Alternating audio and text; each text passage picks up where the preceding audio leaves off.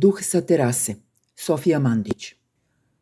Ministarka pravde Maja Popović nam se nakon završetka plenarne sednice Venecijanske komisije obratila video snimkom u kome nam sa italijanske terase poručuje da je ovo telo Saveta Evrope usvojilo pozitivno mišljenje o predlozima sudskih zakona. Popović nam se obratila sa lica mesta pre nego što je mišljenje Venecijanske komisije objavljeno, a verovatno i pre nego što je srpska delegacija imala priliku da ga u celini pročita.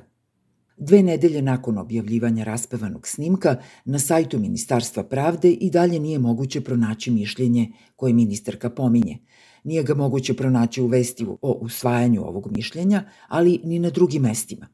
Nije ga moguće pronaći u prevodu na srpski, a ni u originalu na engleskom jeziku. Stoga domaća javnost se u tvrdnje Popović može uveriti isključivo verovanjem na reč. Malo njih će original dokumenta tražiti na sajtu Venecijanske komisije, a još manje proveriti da li ministarka govori istinu. Ovaj scenario je očekivan, više puta viđen i oproban. Pretežno ga je patentirala nekadašnja ministarka pravde Nela Kuburović – Šta god da se zaista dešava, potrebno je hitno objaviti da je vlada posao uradila besprekorno, da smo dobili pozitivnu ocenu ili pozitivno mišljenje, da smo ispunili sve međunarodne standarde i preporuke. Ministarstvo se pohvalilo da je komisija primetila da su radni tekstovi zakona dobro strukturirani, jasno napisani i da obuhvataju sva suštinski važna pitanja u materiji o kojoj je reč. Ovo je istina, ali to je tek deo uvoda u mišljenje. Kada je reč o kritikama, ministarstvo ih ne pominje. Uprkos tome, one su detaljno zapisane u mišljenju Venecijanske komisije broj 1088-2022 i čine njegov pretežni deo. Komisija je u uvodu najavila da će se fokusirati na sugestije, imajući u vidu obimnost dostavljenog materijala i kratak vremenski rok za izjašnjavanje. Uprkos tome što je svrha samog mišljenja, iznošenje sugestija i kritika, ministarstvo tvrdi da je mišljenje pozitivno.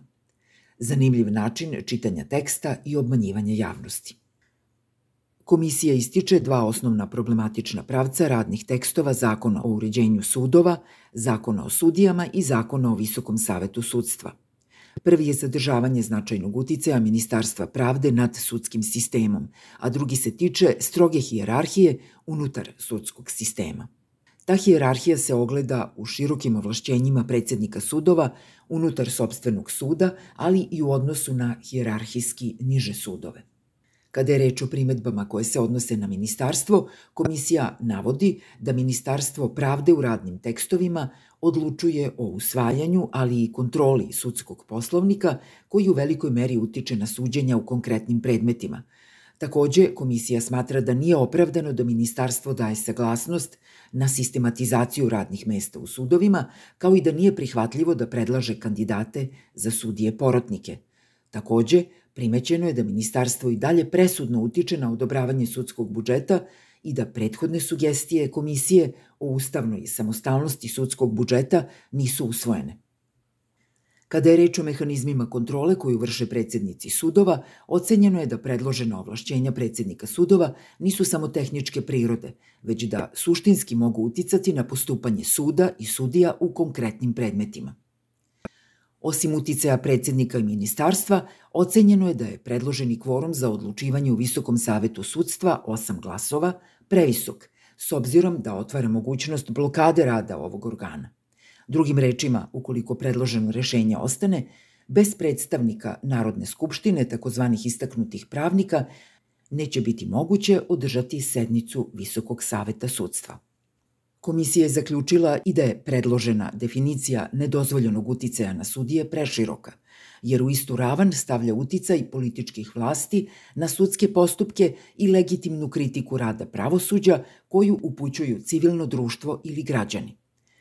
Venecijanska komisija apelovala da se zabrana sudijama da politički deluju na drugi način preciznije definiše, jer u formi u kojoj je sada predviđena u radnom tekstu zakona može onemogućiti sudije da javno diskutuju, pa čak i da glasaju na izborima. Na ove od javnosti sakrivene kritike – Ministarstvo odgovara da će detaljno razmotriti i implementirati u tekstove zakona one preporuke koje su u najboljem interesu pravnog poredka Republike Srbije. Ovo nam ukazuje da, pod A, ministarstvo tek planira da razmotri kritike i preporuke, ali da je upreko tome obavestilo javnost da su one zanemarljive, odnosno da je mišljenje pozitivno. I pod B, da će među kritikama i preporukama izabrati i usvojiti one za koje oceni da su u najboljem interesu pravnog poredka Republike Srbije. To nas vodi zaključku da je komisija prema ovako sročenom stavu ministarstva dala i neke preporuke koje nisu u najboljem interesu pravnog poredka Srbije. Poslednje je najbolja ilustracija odnosa srpskih vlasti prema sugestijama međunarodnih organa. Te sugestije mogu biti uvažene samo u meri u kojima se dopadaju domaćim vlastima. Po principu izaberi šta ti se sviđa kao sa švedskog stola, o čemu je već ranije bilo reči.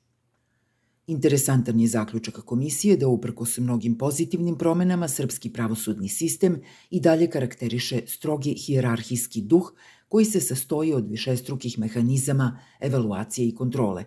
Za stvarnu promenu u sudstvu potrebna je promena pravne kulture, kaže komisija. Tako smo od promena Ustava, čija će manjkavost biti popravljena zakonima, došli do zakona koji ipak nemaju tu moć, pre svega jer ne mogu da derogiraju viši pravni akt. To smo svakako znali i u vreme usvajanja ustavnih amandmana. Ali da bi zakoni doneti u okviru Ustava bili dobri, moramo poraditi na otklanjanju hijerarhijskog duha koji se čita u njihovim redovima, a naročito između redova, onda kada pojedina važna pitanja nisu uređena ili su prepuštena budućim tumačenjima. Obe vrste hijerarhijskog pristupa su prisutne u radnim tekstovima tri sudska zakona. Ovde smo ranije govorili o tome da je radne tekstove zapravo uobličilo Ministarstvo pravde, te je jasno odakle dolazi duhovni uticaj koji onemogućava suštinsku promenu. Da je duh ključna reč, potvrdit će i sama Popović kada kaže da će Ministarstvo pravde nastaviti proces donošenja zakona u istom duhu, uz obezbeđivanje javnih konsultacija u narednim mesecima, koje će prethoditi glasanju o zakonima u Narodnoj skupštini. Slučajno ili ne, to je takođe stvar interpretacije međunarodnog mišljenja o kome ovde reč, komisija je konstatacijom o duhu zakona podsjetila na temelje teorije o podeli vlasti. U svom delu o duhu zakona Charles Montesquieu je tvrdio da je podela vlasti uslov političke, ali i svake druge slobode. Političku slobodu Montesquieu vidi kao onaj spokoj duha koji potiče iz uverenosti svakog čoveka u vlastitu bezbednost. Tri sudska zakona uz dodatna dva tužilačka koja su u postupku usvajanja značajno će uticati na taj preduslov slobode. Ipak to kao da malo koga zanima. U trenutku izrade ovog teksta 218 internet posetilaca je pogledalo video sa početka ovog teksta. Objavu Ministarstva pravde o pozitivnom mišljenju Venecijanske komisije moglo je pročitati tek nešto više od toga – Da bi se vesti proširile, ministarka pohodi televizije i skupove i izjavljuje kako ne postoji ni jedan zakon koji je donet na transparentniji način nego što su ovih pet. To što zakoni nisu usvojeni, već se svih pet nalaze u radnoj formi, za ministarku nije previše važno. To su tek tehničke sitnice. Njen hijerarhijski duh, filozofski smešten u srednji vek, nadvio se nad Srbijom i širi se od venecijanske terase sve do Nemanjine 11 – Taj duh biće zaštitni znak još jedne reforme pravosuđa koja nas neće dovesti čak ni do prvih lekcija o podeli vlasti zapisanih u 18. veku.